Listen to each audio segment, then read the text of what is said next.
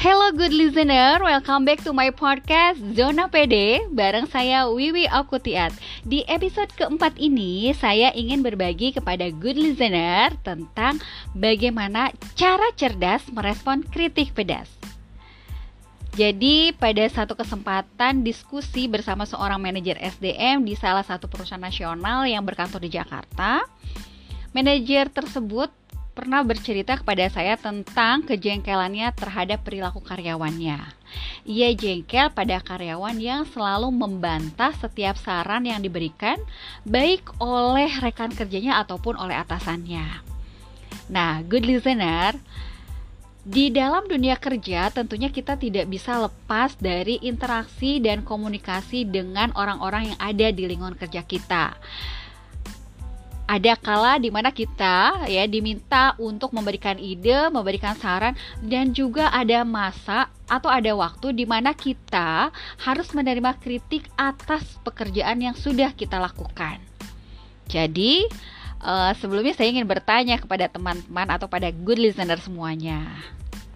Di antara good listener, masihkah ada yang merasakan emosi negatif seperti marah, sedih, malu, atau bahkan merasa diserang ketika mendapatkan kritik dari orang lain?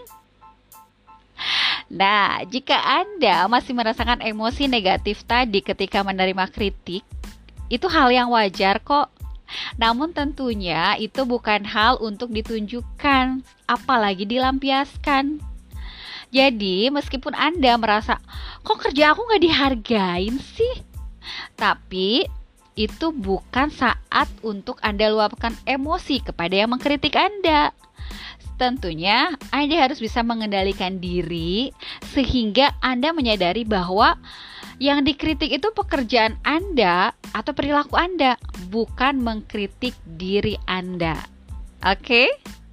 Nah, perlu kita sadari juga bahwa setiap orang itu memiliki gaya dan bahasa yang berbeda dalam berkomunikasi, termasuk dalam menyampaikan kritik. Dan kita, ya, Anda dan saya juga semuanya tentunya tidak bisa mengendalikan orang lain agar menyampaikan kritikan itu dengan lemah lembut atau dengan cara yang kita sukain.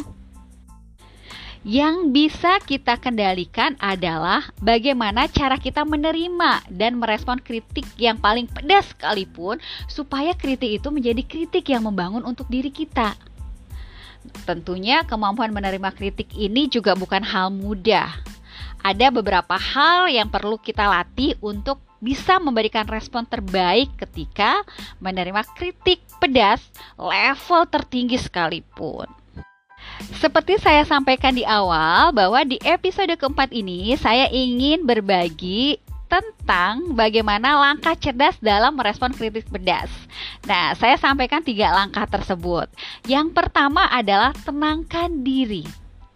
Ambil jeda, tenangkan diri Anda bisa dengan cara mengatur nafas, tarik nafas, hembuskan perlahan. Nah, bagi seorang muslim atau bagi muslim tentunya sangat dianjurkan untuk beristighfar. Ya. Tujuannya untuk apa? Tujuan menenangkan diri ini adalah agar Anda menjadi lebih mudah mengendalikan emosi negatif yang muncul tadi. Dan tentunya mencegah supaya hal-hal yang tidak diinginkan itu nggak kejadian. Atau mencegah hal-hal buruk terjadi ketenangan juga akan memunculkan kesadaran bahwa setiap kita ini memiliki kekurangan dalam hal tertentu. Kita ini bukan orang yang serba bisa dalam semua bidang, ya, tetapi adalah orang yang memiliki kekurangan dalam hal tertentu. Yang kedua, dengarkan tanpa menyela. Bisa jadi ya, Anda mungkin merasa sudah bekerja dengan maksimal, menggunakan semua sumber daya yang dimiliki. Tapi kok teman-teman atau atasan Anda kurang menghargainya? So, tetap dengarkan, tetap simak kritikan dari orang-orang yang peduli dengan Anda ya. Jangan pernah luapkan emosi negatif dan langsung membalasnya. Dengarkan kritik yang disampaikan hingga tuntas tanpa menyela dan jangan membantah atau mendebatnya. Dengan demikian, Anda nanti akan tahu apa sih yang kurang dan apa yang perlu diperbaiki. Lalu langkah yang ketiga adalah sampaikan rencana perbaikan Anda. Sebelumnya, ucapkan terima kasih atas kepedulian orang yang telah memberikan kritik dan akui kekurangan atau kesalahan yang uh, Anda lakukan. Setelah itu, barulah Anda sampaikan rencana perbaikan baik itu dalam proses kerja, pergantian metode atau cara yang akan digunakan. Nah, rencana ini atau rencana perbaikan ini bisa berdasarkan pemikiran Anda atau bisa juga berdasarkan arahan dan masukan yang Anda terima.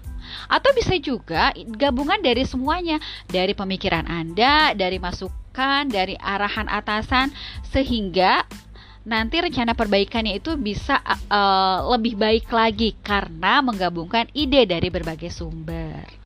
Nah, itu dia tadi bagaimana cara cerdas merespon kritik pedas.